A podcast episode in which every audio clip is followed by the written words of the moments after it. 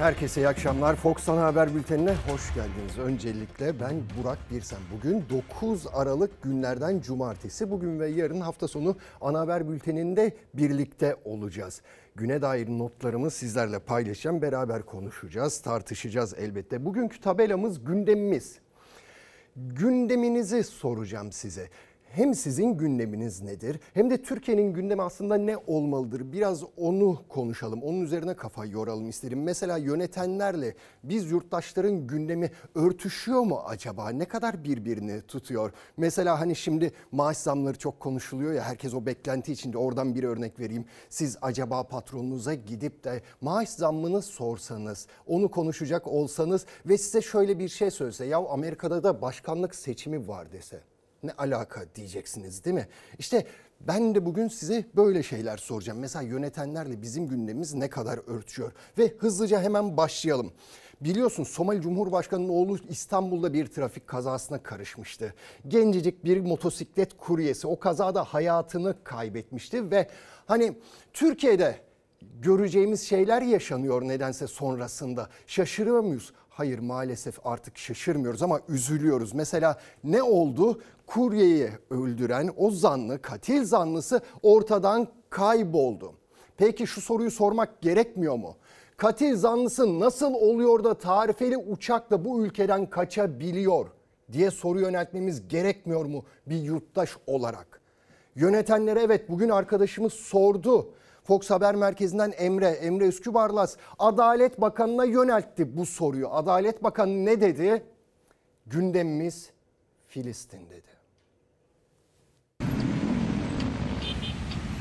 Eğer ortada bir kusur varsa, bir suç varsa bunun mutlaka takipçisi olunacaktır. Gündem Filistin. Efendim, Bakın birkaç- gündem gündem Filistin. Tamam. Somali Gündem Cumhurbaşkanı'nın Filistin. oğlu ile ilgili. Arkadaş Filistin bak. İki gün önce konunun takipçisi olacağız diyen Adalet Bakanı Yılmaz Tunç, skandallar üst üste patlak verince gündem Filistin diyerek geçiştirdi soruları. İstanbul'da bir kuryenin ölümüne neden olan ancak tek taraflı tutanakla serbest kalan Somali Cumhurbaşkanı'nın oğlu için Türkiye'den kaçtıktan günler sonra gözaltı kararı çıktı. Kuryeyi hayattan, iki evladından koparan Somali Cumhurbaşkanı'nın oğlu yakalama kararıyla aranıyor. Cumhurbaşkanı da olsa, başbakan da olsa, bakan da olsa gerekli cezayı çekmesini istiyorum. Benim çocuğum cinayete kurban gitmiştir. Kaza 30 Kasım'da meydana geldi. Tarafların ifadesinin alınması gerekti. Somali Cumhurbaşkanı'nın oğlu ifadesinde motosikletli kuryenin hatalı olduğunu söyledi. Ağır yaralanan Yunus Emre Göçer ise hastanedeydi. Yoğun bakıma kaldırılmıştı. Gazeteci Ozan Gündoğdu'nun ulaştığı ifade veremez tutanağında da açıkça görüldüğü gibi Göçer'in bilinci kapalı olduğu için ifadesi alınamadı. Tek taraflı tutanakla Somali Cumhurbaşkanı'nın oğlu taksirle yaralama suçundan serbest kaldı. Bu görüntüler çıktıktan sonra biz adamı hatta biz emniyete gittik akşamı. Yetkililerden şu anda daha yapacak bir şey kalmadığı için arkasında iki çocuğu var ben varım. Bir çocuğum engelli zaten %99 engeli var. Onların geleceği açısından yalnız bırakılmamak istiyorum. 6 Aralık'ta kurye Yunus Emre Göçer'in acı haberini aldı ailesi. Göçer hayatını kaybetti. Hem kaza anına ait görüntüler hem de bilirkişi raporu çıktı ortaya. Kazada kusurlu Somali Cumhurbaşkanı'nın oğluydu. İstanbul Cumhuriyet Başsavcılığı tarafından yapılan açıklamaya göre suçun niteliği de taksirle ölüm olarak değiştirildi. Muhammed Hasan Şeyh Mahmut için gözaltı kararı çıktı ancak artık çok geçti. 2 Aralık'ta ayrılmıştı Türkiye'den. Tarifeli uçakla ülkesine dönmüştü. Ben herkesten şikayetçiyim buna sebebiyet veren. Olayın üstünden yaklaşık bir haftanın geçmesi dolayısıyla hiç yakalanamama ihtimaliyle karşı karşıyayız. Kurye Yunus Emre Göçer'in ifadesi alınmadan, sağlık durumu beklenmeden serbest bırakıldı Somali Cumhurbaşkanı'nın oğlu. Türkiye'den ayrıldıktan 6 gün sonra yakalama kararı çıktı. Savcılık, uluslararası prosedür işletilecek derken Adalet Bakanı sorulara yanıtsız kaldı. Somali Cumhurbaşkanı'nın oğlu ile ilgili. Arkadaş Filistin bak. Evet Somali Cumhurbaşkanı'nın oğlu gerçek şu ki elini kolunu sallayarak Türkiye'den çekip gitti. Geri getirilecek mi? Cezalandırılacak mı? Burada yargılanacak mı? Kimse bir şey bilmiyor. Ama Adalet Bakanı Yılmaz Tunç işte memleketinin gerçeklerinden, memleketinde olan bitenden o kadar uzak ki kendisi gündemimiz hayır bu konular değil Filistin diyebiliyor. Tamam gündemimizin bir tanesi bakın Gazze'deki İsrail katliamı. Evet onu unutmamak, onu takip etmek. O konuya eğilmek gerekiyor ama siz kusura bakmayın Filistin'in Adalet Bakanı değilsiniz ya da İsrail'in Adalet Bakanı değilsiniz. Siz Türkiye Cumhuriyeti Devleti'nin Adalet Bakanısınız ve sizin önceliğiniz bu topraklarda yaşananlar ilk başta. Bu yurttaşların yaşadıkları, bizlerin yaşadıkları önceliğiniz bu olması gerekiyor. Filistin bir sonraki gündem maddeniz olabilir ama yanıt bekleyen soruları cevaplandırmalısınız. Bir vatansever olarak, milletini seven, yurttaşın seven insanlar olarak önceliğiniz bu yurt olması gerekiyor. Bu topraklarda yaşananlar olması gerekiyor. Mesela bizim önceliğimiz Fox Haber'in önceliği evet yurttaşlarımız bu topraklarda yaşananlar mesela adalet, mesela hukuk sorunu, mesela geçim derdi, mesela emeklinin, işçinin derdi, işsizin derdi bizim derdimiz. Evet bizim gündemimiz gerçekten de bunlar. Ya da işte bir yurttaşımızın bir motosiklet kuryesinin gencecik bir yurttaşımızın hayatını kaybetmesi bizim derdimiz. Ya da Ankara Keçiören'de sokak köpeklerinin saldırdığı küçücük bir çocuk 9 yaşındaki Tunahan bizim gündemimiz. Bizim derdimiz bunlar. Sizin de olması gerekiyor aslında. Siz de bunlarla dertlenmeniz gerekiyor. Çünkü sokak köpekleri bakın 9 yaşındaki Tunahan'ı ısırmadılar. Parçalamaya kalktılar. Ve sonrasında neler yaşandı? İşte asıl konunun muhatapları sessizler ya da cılız açıklamalar yapıyorlar ve maalesef topu birbirlerine atıyor yönetenler. İşte Çevre Bakanı, Tarım Bakanı, İçişleri Bakanı. Kusura bakmayın birbirinizi suçlamak yerine bu sorunu çözmelisiniz.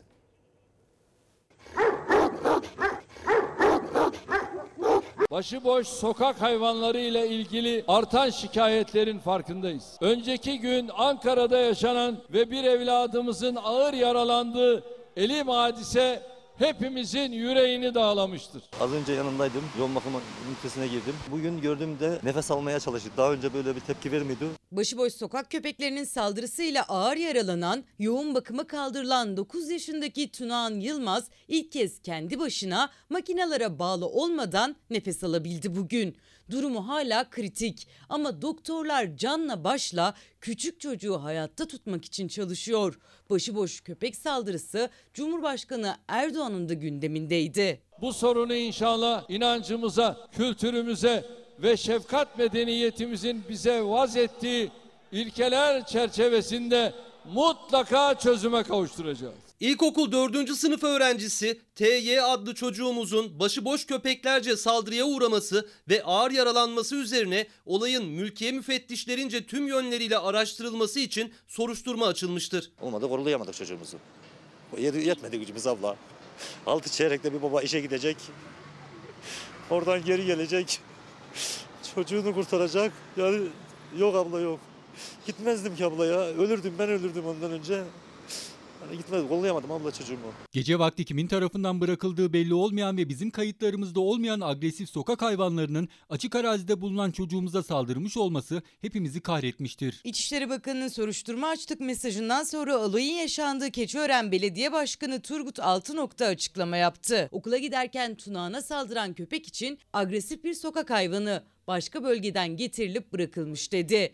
Keçiören'de daha önce böyle bir olay olmadı savunması yaptı. Başıboş hayvanlarla ilgili sıkıntının çözümü için ilgili bakanlıklara yazı yazdıklarını, yanıt alamadıklarını söyledi. Bu mesele uzun bir zamandan beri belediyemizce ilgili bakanlıklar ve ilgili birimlere resmi yazılarla bildirilmiş ve kontrolsüz hayvan bırakılmasının önüne geçmek adına önlem alınması konusunda yazışmalar yapılmıştır. Ne yazık ki tarafımıza konuya ilişkin bir dönüş olmadı. Yaşanan olayla ilgili müfettişlerin incelemesi sürerken Altınok topu bakanlıklara attı. İşaret ettiği bakanlıklar İçişleri ile Çevre ve İklim Değişikliği Bakanlıkları. Eylül ayında Tarım Bakanlığı bünyesinde bir komisyon kurulmuş. 3 bakanlık başıboş sokak hayvanlarının toplanması, barınakların ve kısırlaştırma merkezlerinin açılmasını gündeme getirmişti. O kadar çok popülasyon arttı ki sadece kısırlaştırmayla bunun önüne almak imkanı yok. Sokaktakileri barınaklara alıp orada misafir edeceğiz. Hayvanseverler onlar da elini taşın altına koysunlar.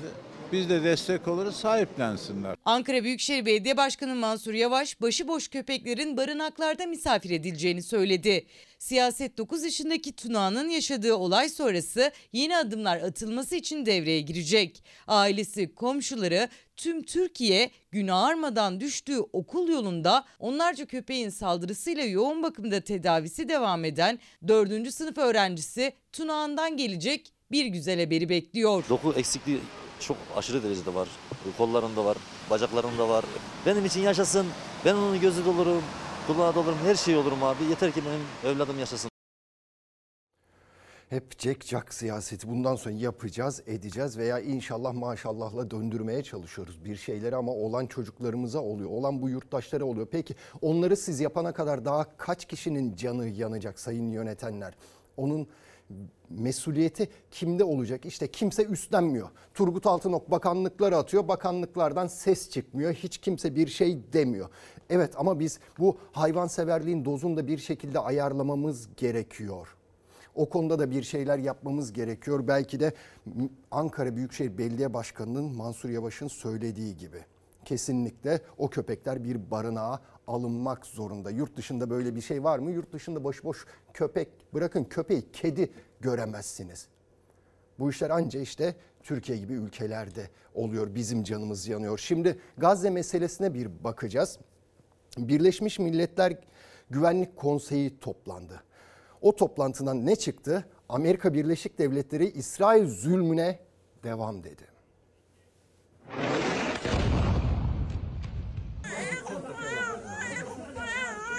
Ey Amerika bunun hesabını nasıl vereceksin? Bu Birleşmiş Milletler'le, bu Birleşmiş Milletler Güvenlik Konseyi ile insanlığın bir yere varması mümkün değil. Erdoğan hem Gazze'de acil insani ateşkesi reddeden Amerika Birleşik Devletleri'ne hem de İsrail'i koruma konseyine dönüştü dediği Birleşmiş Milletler Güvenlik Konseyi'ne yüklendi. Washington'ı adil dünyanın önündeki engel olarak gösterdi. Böyle adalet olur mu?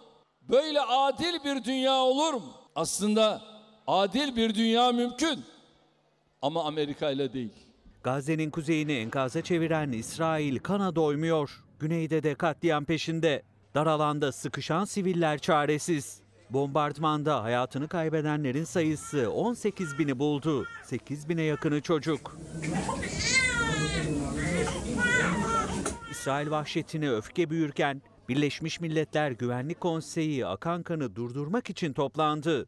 Gazze'de derhal insani ateşkes talep eden karar tasarısını oyladı. Tasarıya 15 üyeden 13'ü kabul oyu verdi. İngiltere'nin çekimser kaldığı tasarının kabulünü Amerika Birleşik Devletleri engelledi. Cumhurbaşkanı Erdoğan, Biden yönetimine tepki gösterdi. İsrail'in yanında yer alanın karşısındayız dedi.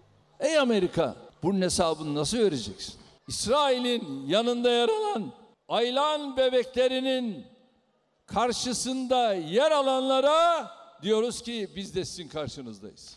Erdoğan'ın eleştirileri Amerika ile sınırlı kalmadı. Cumhurbaşkanı Birleşmiş Milletler Güvenlik Konseyi'ni de hedef aldı. Görevi küresel barışı ve istikrarı korumak olan Güvenlik Konseyi 7 Ekim'den bu yana İsrail'i koruma ve kollama konseyine dönüştü. Birleşmiş Milletler Güvenlik Konseyi reforme edilmesi olmazsa olmaz şarttır şart. Bakın çok açık söylüyorum.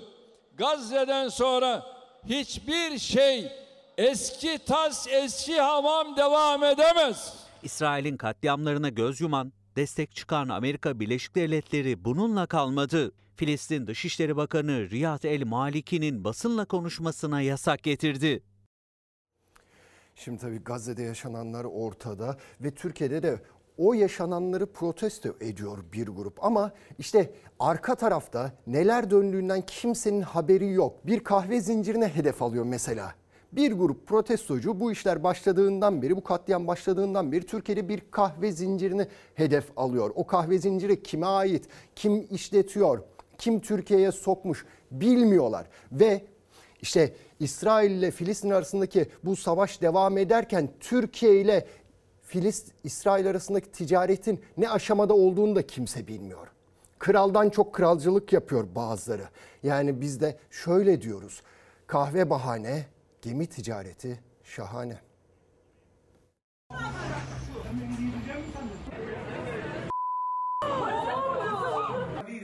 Starbucks'ta eylem yapmışlar. Eyleme müdahale polisle tokatlamışlar. Bunlar iki yüzlü. Bir tarafta alttan gemileri yürütüyorlar. Diğer tarafta Starbucks'ta ki polisi tokatlıyorlar. Hükümete destekleyen gençlere de sesleniyorum.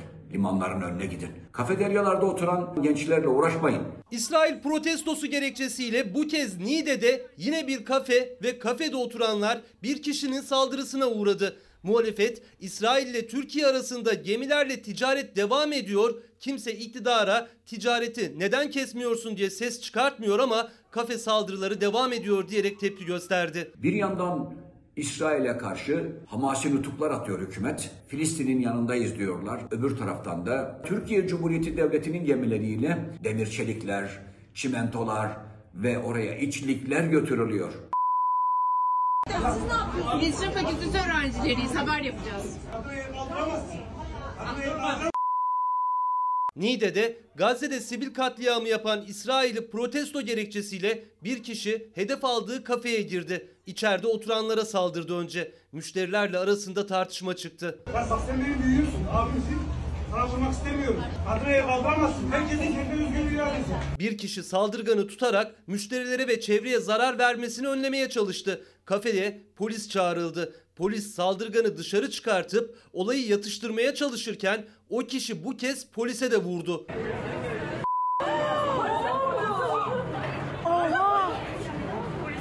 Polise vurdu. Bunlar bu kadar samimiyetsiz, bu kadar iğrenç bir siyasetin ürünü. Çık yiğitsen, İsrail'e giden gemilerin önünü kessene. Çık yiğitsen Malatya'da kurduğum İsrail'i korumaya yönelik füze kalkanını kapatsana. Hükümete de sesleniyorum. Lütfen iç çatışmayı körükleyecek bu tür provokasyonlara mahal vermeyin. Muhalefet kafelere yönelik saldırıları yapan kişileri iktidarın politikaları cesaretlendiriyor dedi. Gazze katliamı sürerken Türkiye'den İsrail'e ticari sevkiyat yapan gemileri gündeme getirdi bir kez daha. İsrail'le ticaret ve siyasi ilişkiler askıya alınmıyor ama bitmeyen kafe saldırıları gündemde duruyor diyerek tepki gösterdi. İktidarı samimiyetsizlikle suçladı. Eylem yapacaksan kolay yasaklasan ne olur? Starbucks'ı yasaklasan ne olur? Türkiye Büyük Millet Meclisi Nescafe servisi yapmıyorlar. Aldıkları tedbir bu. Polise vurdu. Türk polisine saldıran Starbucks tosunları dışarıda ancak ülkem işgal edilmesin diyen Türk milliyetçisi gazeteciler hapishanede. Kafede oturan müşterilere hakaret eden, çıkan olaya müdahaleye gelen polise tokat atan, polis ekiplerine de zorluk çıkaran şahıssa gözaltına alındı. Olayla ilgili soruşturma başlatıldı. Polise vurdu. Şimdi işte gemi ticareti devam ediyor bir yandan. Bir yandan da bir bardak kahveyi bahane edip protesto yapıyor gençlerimiz. Yani kraldan çok kralcılık yapıyorlar. Hayır işte o kahve zinciri kime ait? İsraillere falan değil, Kuveytlilere ait. Ve Sayın Cumhurbaşkanı'nın Araplarla, Arap ülkeleriyle ilişkisi gayet iyi. Hani biri eğer bu konuda bir tepki verecekse hiç merak etmeyin. En başta Sayın Cumhurbaşkanı verirdi. Vermediğine göre demek ki bir sorun da teşkil etmiyor demektir. Şimdi geçelim siyasete. Siyasete bakacağız. Meral Akşener önemli açıklamalar yaptı. Geçmişe dair hani bir ara seçimlerden önce masayı devirmişti, o masadan kalkmıştı ya o gün soruldu kendisine. Şimdiki aklım olsa diye başladı cümleye ve bakın devamını nasıl getirdi. Milletle ittifakın her zaman çok önemli bir seçenek olarak önümüzde durduğunu görüyoruz. Bir toplumsal ittifak arayışı içindeyiz. İyi Parti'nin yerel seçimde işbirliğine hayır kararı sonrası CHP Genel Başkanı Özgür Özel'in toplumsal işbirliği mesajı bir kez daha İyi Parti seçmenine seslendi. İttifakın tabanda aranacağını söyledi. İyi Parti'dense teşkilatlara görüşmeyin, bir araya gelmeyin, istişare etmeyin mesajı gittiği iddia edildi. Bu süreci iyi insanlarla birlikte gayet iyi bir şekilde götüreceğimizi görüyorum. Ayrıca İyi Parti'nin seçilmişleriyle aramızda da hiçbir sorun yok. 14 kişi evet dedi işbirliğine. 35 kişi hayır dedi. Sonuç itibaren böyle bir karar çıktı. Gizli oy kullanıldı. Tabii ki sorumluluk benim. Yanlış yaptın ey Meral Akşener ve İyi Parti diyorsa Onun da sorumluluğun tamamı bu karşınızda duran kişiye ait. İyi Parti lideri Akşener Genel İdare Kurulu'ndan çıkan kararı hatırlattı. CHP ile işbirliğine kapının kapatılmasıyla yerel seçimden çıkacak sonuçların sorumluluğunu alıyorum dedi. Genel seçimler ve Cumhurbaşkanlığı seçimlerinde yapılan ittifaka gönderme yaparak masadan kalkmıştım. Şimdiki aklım olsa geri dönmezdim dedi. Şimdiki aklım olsa katiyen yapmazdım. Bu da, bu da, bu da bir tercih oldu. Evet, işte onun için kendi başında, özü başımıza gidiyoruz. Burada bana aklın yeni mi başına geldi diyebilirsin. Sorguladığım yer burası kendimle ilgili. Hani şu hareketi yapması, yapasım var kendime. 44 milletvekili çıkardık. Geçen dönemin aynısı. Biz başarılı mıyız? Hayır. Ama öldük mü? O da hayır. Akşener ittifakların başarı getirmediğini söylüyor. Cumhurbaşkanlığı aday belirleme sürecinde masadan ayrılmasından sonra yaşananları da anlattı. Sonra gece hem İmamoğlu hem de Sayın Mansur Yavaş evime saat 2.15'te geldiler. İkisine de son kere sordum. Sen aday olabilir misin? Sen aday olabilir misin? Hayır dediler. 2023'e geldiğimizde gördük ki bizim gayretlerimizin sonucu yok. Şimdi demek ki yani sürekli birilerine yardımcı olmak bu sistemin değişmesine sebep olmuyormuş. İşbirliği, güç birliği her zaman iyidir. Olmazsa dünyanın sonu değildir. O zaman başka işbirliklerine bakılabilir. Özgür Özel yerelde işbirliğinin muhalefete güç katacağını söylüyor. Akşener 2023 genel seçimlerinde yapılan ittifaktan ağzım yandı diyor. CHP'nin Ankara ve İstanbul adayı belli. İzmir'de de Tunç Soyer'le devam mı sorusu sorulurken İzmir'e yeni isim arayışları için gazeteci Saygı Öztürk'e konuştu Tunç Soyer. Vaat ettiğimiz 165 projeden 144'ünü bitirdik. Ancak geçer akçe popülist politikalarmış maalesef. İzmir için yeni aday isimlerinin dillendirilmesine Tunç Soyer'in sitemi dikkat çekti. Cumhur İttifakı cephesinde ise MHP Kocaeli Milletvekili Saffet Sancaklı'nın sözleri Bahçeli ile kendisini karşı karşıya getirdi. Bu dönem MHP'ye en azından bir belediye vermezlerse beni seçim sürecinde ve seçim çalışmalarında Kocaeli'de göremezler. Cumhur İttifakı Kocaeli'de en az 4-5 belediyeyi kaybeder. Bu sefer umdukları gibi olmaz. Futbol hayatında üç büyük kulüpte oynama geleneğini siyasette de mi sürdürmek istiyor? Tercih kendisinindir. Yeniden İstanbul, yeniden Ankara diyoruz, yola devam ediyoruz. Bahçeli Sancaklı'ya manidar yanıtıyla Cumhur İttifakı'na söz söyletmem mesajı verdi. Bahçeli'nin kurmayı Semih Yalçın, Saffet Sancaklı'nın MHP'den istifasının istendiğini duyurdu. Biz yurttaşlarla bizi yönetenlerin gündeminin ne kadar farklı olduğunu aslında gönderdiğiniz tweetlerden de anlayabiliyorum. Bir izleyicimiz demiş ki çocuklarımızı için kış saati uygulamasına geçilsin. Gündemimiz budur diyor. İşte aslında gerçek gündem bunlar ya da asgari ücret mesela gerçek gündem. Aklı selim herkesin gerçek gündeminin bunlar olması gerekiyor aslında. Mesela TÜSİAD YİK Başkanı, Yüksek İstişare Kurulu Başkanı Tuncay Özilhan'ın da gündemindeydi ve dedi ki asgari ücretle ortalama ücret makası kapanıyor uyarısında bulundu. Şu anda en azından 30 bin lira asgari ücret bence olmalı. O zaman en az benimki de herhalde bir 50 bin falan olmalı. Ben o kadar emek sarf ediyorum. Ben mühendisim. Hani 30 bin civarında bir maaş alıyorum. Asgari ücret tespit komisyonunun ilk toplantısı için son 48 saate girildi. İşçi, işveren cephesi hükümet. Bir rakam telaffuz etmese de işçinin beklentisi net. Ama özel sektörde kıdemli olup asgari ücrete komşu ücret alan çalışanlar aradaki makas daralıyor endişesinde. Ben nasıl bir doktorun benden fazla almasına saygı gösteriyorsam çalışma şartlarından kaynaklı işinin ehemmiyetine karşı e, ister istemez o da olmak zorunda yani maalesef. Ben üniversite mezunuyum. İşimi aslında çok seviyorum. Performansımıza göre bir maaş e, ekleniyor. Ve bu eşitlik geldiği zaman tabii ki de e, piyasadaki dengeler de değişecek. Ortalama ücret ile asgari ücret arasındaki makas giderek kapanıyor. TÜSİAD da aynı uyarıyı yaptı iktidara. Makas daralıyor diyerek dikkat çekmişti iş barışına, ücret dengesine. Çünkü asgari ücret zammı milyonları bir nebze olsun sevindirecek olsa da özel sektörde kıdemli çalışan cephesinde makas daralıyor. Çünkü ara zamlar işverenin inisiyatifinde. 23 yaşındayım ya. 2 yaşında bir kızım var. Benim otobüs param yok buraya gelecek. Şöyle bakıyorum herkes zaten kendi farklı bir durumda. Üstümüze alacak bir montumuz yok. Bu parayla zaten geçinemem. Benim kızımın masraf zaten 2,5-3 milyar. Ev kirası olmuş 6 milyar. Patron vermedikten sonra bir şey yapamıyor. Denge önemli. Kreme göre de vermesi lazım.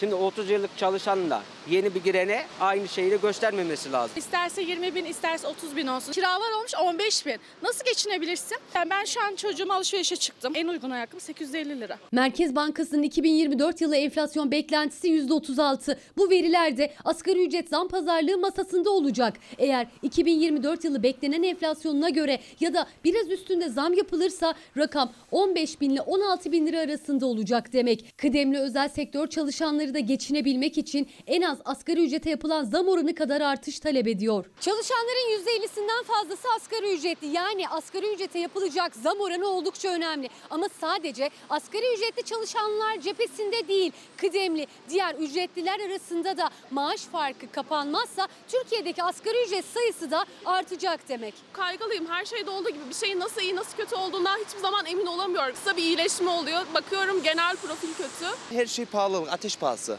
20.500 olsa daha güzel olur. 11 Aralık'ta tüm bu şikayetler Türk İş adına pazarlık masasına oturan 4 işçi tarafından anlatılacak. Ama ücret dengesinin korunması ayrıca önem taşıyor. Tuncay Özilhan dediği gibi makas kapanıyor ve bugün bunu örneklendirelim istedik. Nerede örneklendirdik? Öğretmenler eylemdeydi. İşte asgari ücretin 11.402 lira olduğu ülkemizde öğretmen maaşı 16.000 lira.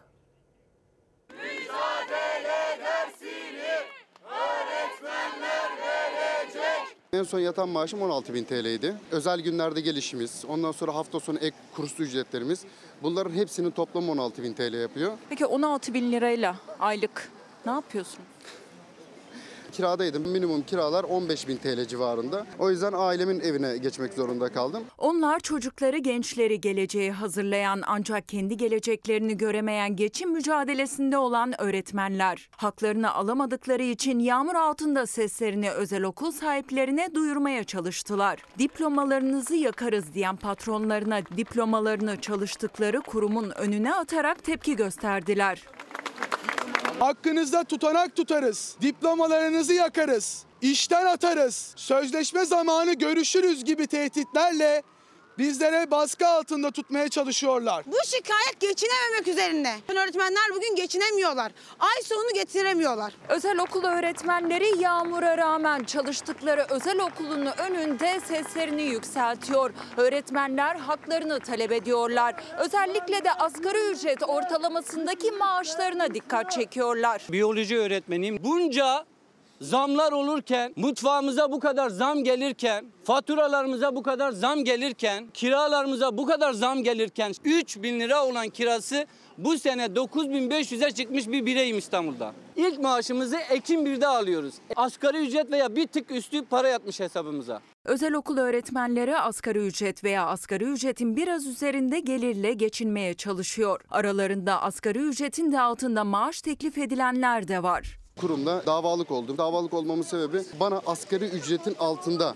maaş vermeyi teklif ettiler. Dersizleştirilen öğretmen onurunun iade edilmesi, öğretmen net ücretlerinin asgari ücretin iki katı olması ve asgari ücret güncellemelerinin ücretlere yansıtılması. Özel okul öğretmenleri başta yok edilen itibarlarını geri istiyor. Net maaşlarını en az iki asgari ücret tutarına çıkarılmasını talep ediyorlar. Tüm günü okulda geçiren öğretmenlere suyu bile ücretsiz vermeyen özel okullar var. Çoğunun sosyal güvencesi de yok. Öğretmenlerimiz sabahtan akşama kadar o kurumda bir su bile yok. Öğretmenler odasında bir damacana bile yok. Öğretmenlerimize çay bile vermeyen bir kurumdan bahsediyoruz. Mesai dışında yapılan etkinliklerde kanuni olan çift mesai ücretlendirilmesine riayet edilmesi, ordurunun kanunda belirtildiği gibi şeffaf ve her zaman açık olması, özel sağlık sigortası, servis desteği, su, çay, kahve gibi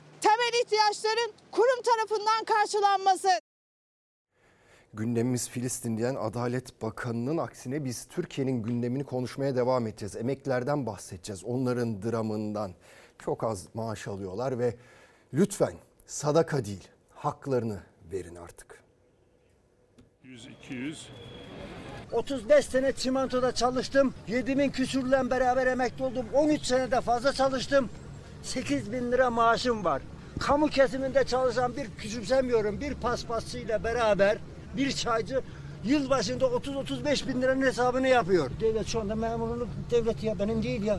Vallahi de benim devletim değil, billahi de değil ya. Bir işçi emeklisi İyi Parti Genel Başkanı Meral Akşener'in Trabzon ziyaretinde anlattı derdini. Memur ve işçi emekliler arasındaki maaş uçurumuna dikkat çekti. İşçi emeklisinin gözü kulağı Aralık ayı enflasyonunda yılın ikinci yarısındaki enflasyona göre belirlenecek zam oranı. Memur emeklileri ise toplu sözleşme zammına ek olarak alıyor enflasyon farkını. Maaşlar arasındaki fark açılıyor. İşçi emeklisi zam oranı ile ilgilenmiyor. En düşük emekli aylığına ben muhtaç kaldım artık diyor. Ama memur emeklisi o yapılacak zam oranıyla ilgileniyor. Emeklilerin kök maaşı gerçekten insani standartların çok altında kaldı. Memur işçi emeklisi arasındaki maaş uçurumu büyüyor ama işçi emeklilerinin gündemindeki asıl konu en düşük emekli maaşı. 13 milyonu aşkın emekliden yaklaşık 9 milyonu 7500 liralık maaşla geçinmeye çalışıyor. Fox Ekonomi ve siyaset yorumcusu Ozan Gündoğdu'ya göre işçi emeklisi kök maaşına yapılacak zammı değil, en düşük emekli maaşının kaç lira olacağını merak ediyor. Bu kişi en düşük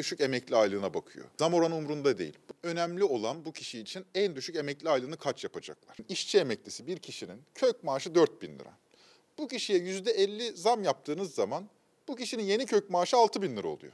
Dolayısıyla en düşük emekli aylığının zaten kök maaşa %50 zam yapsanız bile altında kalıyor. Kök maaşları çok düşük olduğu için zam oranı büyük olsa bile en düşük emekli maaşına dahi ulaşamıyor. Türkiye Emekliler Derneği Başkanı Kazım Ergün de en düşük kök maaşın 7500 lira olmasını talep etti. Acaba 9500 mü olur, 10500 mü olur, 11500 mü olur? Neden? Çünkü zam oranıyla ilgilenmiyor. Kök maaşı erimiş çünkü onun, bitmiş. Dolayısıyla bütün işçi emeklilerinin gözü Cumhurbaşkanı'nda. Memur emeklilerine durum öyle değil. Memur emeklilerinde kök maaş en düşük emeklinin üzerinde olduğu için onlar için zam oranı anlamlı. Çünkü onlarınki toplu iş sözleşmesiyle belirleniyor. Gelir dengesizliği emekliler üzerinden de memur ve işçi emeklisi maaşlarıyla kendini gösterirken bir de çalışan emekliler verilen sözün bir an önce gerçekleştirilmesini bekliyor. 5 bin liralık ikramiye için gözler meclisteki torba yasada. Yaklaşık 4 milyon 700 bin emekli yasanın onaylanmasını, ikramiyelerini kavuşmayı bekliyor. Bizim sistemimiz emekliyi tümüyle kenara atmış durumda. Sistem emekliyi dışlıyor. Bu bir masraf kapısı bizim için diyor. Buradan tasarruf etmek lazım diyor. Emekliyi bir tür aslında maliyet olarak, hazine maliyeti olarak görüyor. Bunun tek bir sonucu olacak gelecekte. Emekliler çalışmak zorunda kalacaklar, çalışırken ölecekler. Ali Erbaş'ın başında bulunduğu Diyanet İşleri Başkanlığı ve Türkiye Diyanet Vakfı. Onların şimdi İstanbul Çengelköy'de bir siteleri var. Kentsel dönüşümü bahane edip kiracıları çıkartmak istiyorlar oradan. Anlayacağınız Diyanet de huzuru rantta bulmuş gibi. Tamamen rant için şu an bizi sokağa atmak istiyor. Diyanetin bunu bize yapmasına ayrı üzülüyorum. Biz de burada bir ateşi yaktık. Bu ateşi yakmamızın sebebi kış günü sokakta kalmamak. Kışın ortasında sokakta kalma tehlikesiyle karşı karşıya Türkiye Diyanet Vakfı'na ait sitenin kiracıları. Vakıf önce 110 kiracıdan bir anda daireleri boşaltmalarını istedi. Ardından siteyi yıkıp yeni binalar yapabilmek için iddiaya göre yetkisi olmayan bir firmaya usulsüzce karot örneği aldırdı. Sonra da sadece sitenin bulunduğu alan rezerv alanı ilan edildi. Kiracılara da tahliye ve yıkım yazısı gönderildi Çevre ve Şehircilik Bakanlığı'ndan. Onlar da bu durumu protesto etmek için genci yaşlısı buz gibi havada nöbete başladı. Boşaltmadığınız takdirde elektriğinizi, suyunuzu, doğalgazınızı keseceğiz diye yazı geldi. Hep tehdit, hep tehdit kağıtlarda. Mazlumun yanında olduklarını söyleyen Türkiye Diyanet Vakfı tehdit ederek e, altyapı desteğini kesmekle tehdit ediyor. Evime benim de e, kağıtlar geldi. Üsküdar Çengelköy'deki 10 bloklu 29 Mayıs sitesinde 135 dairenin 110 dairesi Diyanet Vakfı'na ait. Vakıf kentsel dönüşüm kararı aldı. Kiracılarsa durumu karot örneği alınırken öğrendi. Ancak daha karot örneği alınmadan iki gün önce sonucu hazır olduğu için sisteme hasarlı raporunun işlendiği ortaya çıktı. Davalar açıldı. Sonrasında rezerv alan sürpriziyle karşılaştı site sakinleri. Rant tabii ki. Rezerv alan dediğimiz zaman sadece bir sitenin alanının sınırları içerisinde olması çok düşündürücü. 29 Mayıs sitesi sakinleri ellerine ulaşan tebligattan sonra bir nöbete başladı. Onlar evlerini bırakmamak için Her akşam sitenin önünde yağmura, soğuk havaya rağmen ateşin başında nöbet tutuyorlar. Bu soğuk kış günde titriyorum gerçekten. Hem soğuktan titriyorum hem sinirden titriyorum. Çünkü ben belki oğlumun yanında şu an sıcacık zaman geçirmek istiyorum ama bu soğuk günde ben burada direnişe devam etmek zorundayım çünkü evsiz kalacağım. Türkiye Diyanet Vakfı'na ait sitenin kiracılarından biri de 65 yaşındaki Sevgi Ketenci. 7500 liradan başka hiçbir geliri yok. O da diğer site sakini kiracılar gibi bu kadar yüksek kiralar varken yeniden nasıl kiraya çıkacağını düşünüyor. Mümkün değil gidemem. Geçinemem, gidemem, çaresizim. Yağmur demeyeceğim, kar demeyeceğim, çamur demeyeceğim, geleceğim direnişe. Kiralar 20 bin, 30 bin. Bunu kim karşılayabilir? Birçoğumuz emekliyiz. 21 günümüz kaldı. 1 Aralık'ta gönderilen yazıyla 29 gün içinde evlerini boşaltmaları istendi site sakinlerinden. Kiracılar evlerinden olmamak için yetkililerden çözüm bekliyor. Gelen tebligatlara dava açtık. Yürütmeyi durdurma alırsak çok mutlu olacağız. Devlet vatandaşına sahip çıkması lazım. Diyanet İşleri Vakfı dediğiniz mütevazı bir vakıf falan değil. Türkiye'nin dört bir yanında önemli bir emlak kralı haline dönüşmüş. Diyanet İşleri Başkanı sıcacık evinde otururken acaba hiç vicdanı sızlamıyor mu merak ediyor insan. Şimdi Seçil Erzan dosyasına bakacağız. Arkası yarın gibi vallahi film gibi. Her gün yeni bir şey çıkıyor. Ama biri bana izah etsin lütfen. Teminatsız 33 milyon lira kredi nasıl çekildi? Yetiş diye bir bankanın iç denetimcisi. Burada diyor kredinin diyor verilme şartları usulsüzlük var diyor. Seçil Erzan diyor ki Arda Turan diyor emlak alacak. Zaten 15 günlüğüne veriyoruz bu krediyi. Denetimci Yetiş Bey bunun peşini neden bırakıyor bırakıyorsa Seçil Hanım yetiş ben. İç kontrolden. Arda Turan kredisi için rahatsız ediyorum. Sonrasında nasıl bir işlem yapılacak? Tapu yaparken bir kısım gayri resmi ödenecek. Konut mu alacak? Tapu var mı? Ne alacağını gizliyor. Bodrum'dan gayrimenkul alacak. Biz konut kullandırmadık. Bu kadar yüksek tutarlı bir kredi kullandırırken bir banka işte gayrimenkul, ipotek gibi güçlü teminatlar alınması gerektiğinde bankanın iş yöneticisi bunu sorguluyor. Tam da olması gerektiği gibi ama nasıl sonuçlanmış o önemli. Seçil Erzan'ın fona para yatırma vaadiyle Arda Turan'a kullandırdığı usulsüz kredi daha onaylanmadan banka iç denetçisinin radarına takıldı. Türkiye'nin en çok izlenen tartışma programı Orta Sayfa'da Erzan'ın görüşme kayıtları masaya yatırıldı. İç denetçi ile Erzan arasındaki mesajlaşmada denetçinin tapu beyan edecekse işlem yapılabilir uyarısı da var.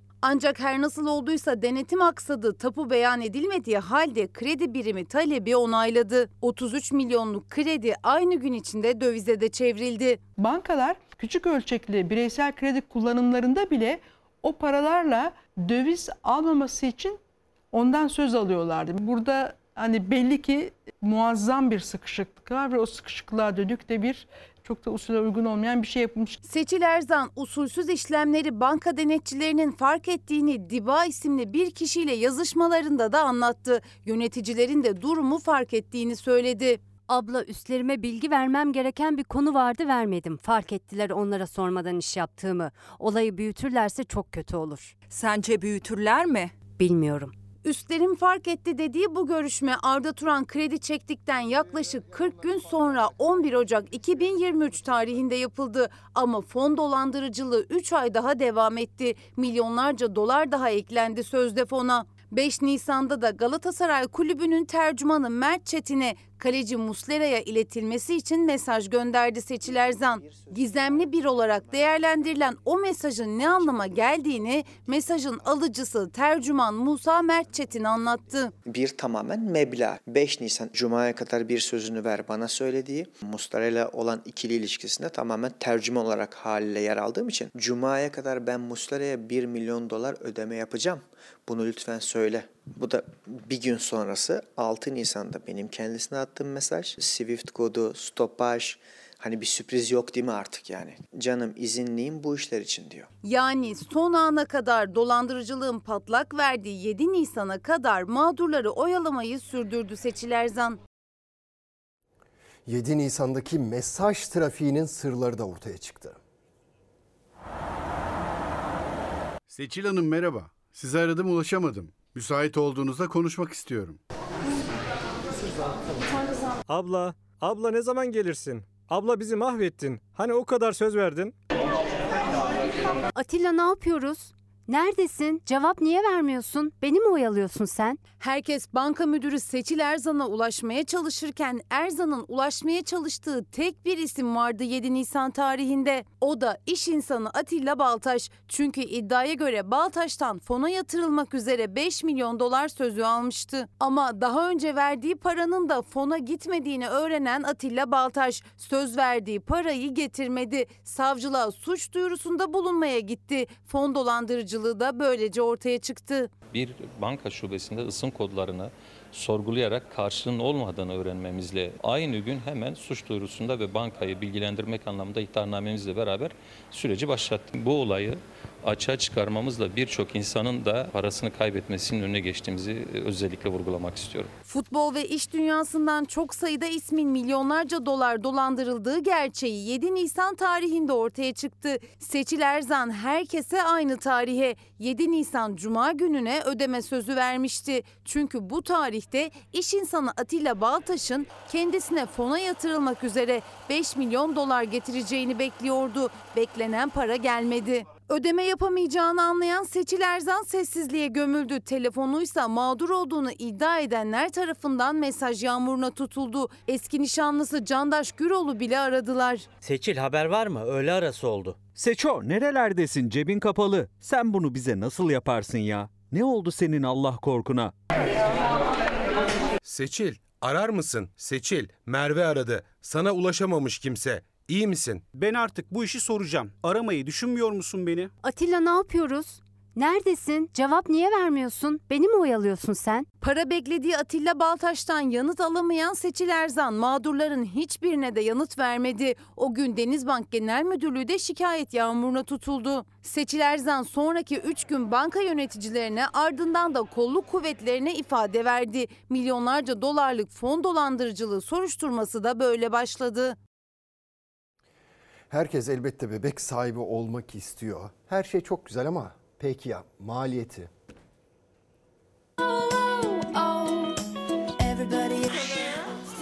Bebek arabası, bebek odası, bezler. Tabii ki hepsinin fiyatları çok pahalı. Neredeyse 300-500 bine gel- geliyor yani artık. Fiyatlar çok uçuk çünkü. Şu an hani iyi ki diyorum hani birçok şeyini saklamışım ki ikinci çocukta kullanabildim en azından çünkü çok çok maliyetli. Özellikle bez ve mama. Bez ve mama olarak aylık yaklaşık bir iki buçuk üçe yakın bir rakam ödemek gerekiyor.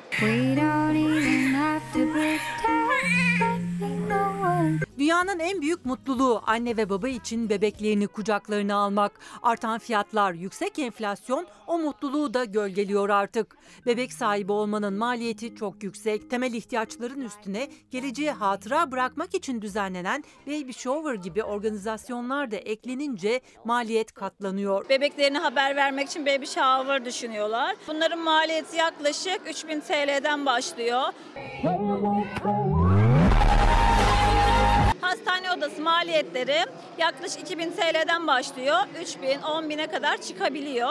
Fotoğraf hizmeti de 3000 TL'den başlıyor. Üst sınır yok. İstekler arttıkça fiyat da artıyor. Bebek arabası ve puseti, anne yanı yatağı, bebek zıbınları, tulumlar, pişik kremleri, emzirme ürünleri, uyku setleri, alt açma minderleri liste uzayıp gidiyor. Doğumdan itibaren say say bitmez yani 100 bini geçmiştir diyebilirim. Yeni doğan bir bebek için hem oyun parkı hem de anne yanı yatağı olacak bu ürün 3300 lira, ana kucağı 1500 lira ve yeni doğan bebek yatağı da 3500 lira. Piyasa şartları malum herkesin bildiği üzere oldukça yüksek. Ama yine de mecburen alıyoruz. Geçen yıl doğum yaptım. Fiyatları 3 katına çıkmış bir yıl içinde. Hastane hariç biberonu, maması, beşiği. Biz mesela bazı şeyleri de almadık. Benim de yeğenimden kalan vardı. 150-200 bin lira yani tam takım her şeyi yapmak isterseniz olur. Yeni doğan bebek için çok gerekli olan reflü yatağı ve emzirme minderi. Reflü yatağının fiyatı 930, emzirme minderinin fiyatı ise 820 lira. Bebeğinizi emzirdikten sonra kusmasını önlemek için reflü yatağını mutlaka kullanması gerekiyor. Annelerin en çok kullandığı en önemli ihtiyaç bebek arabaları. 10 bin liradan 60 bin liraya kadar çıkabiliyor. Uygun fiyatta ve çok amaçlı bebek arabası düşünenler için böyle ikili bir set var. Bu ana kucağı aynı zamanda otokoltuk da olabiliyor. Bebek büyüdüğünde diğer arabaya geçiliyor ve bu ikili setin fiyatı 22 bin lira. İlk 6 ay bu şekilde setle kullanabiliyoruz. 10 Aralık pazar akşamına kadar devam edecek bebek ve çocuk fuarında anne ve babalar çeşit çeşit ürünleri daha uygun fiyata alabilme imkanı bulacak. Evet Ayten Hanım şöyle demiş gündemimiz vatandaşına karşı kör sağır dilsiz hükümet bir tarafta çuvalla paralar bir tarafta fakirin fakiri milyonlarca insan demiş. İşte asıl gündem bu sayın yönetenler diyelim ve reklama gidelim. Ana haber bültenini burada noktalıyoruz. Bizden hemen sonra Adım Farah var. Yeni bölümüyle sizlerle olacak. Yarın akşam saat 19'da yeniden buluşuncaya dek umarım yüzünüzü güldüren güzel haberler alırsınız. Hoşçakalın. ezeli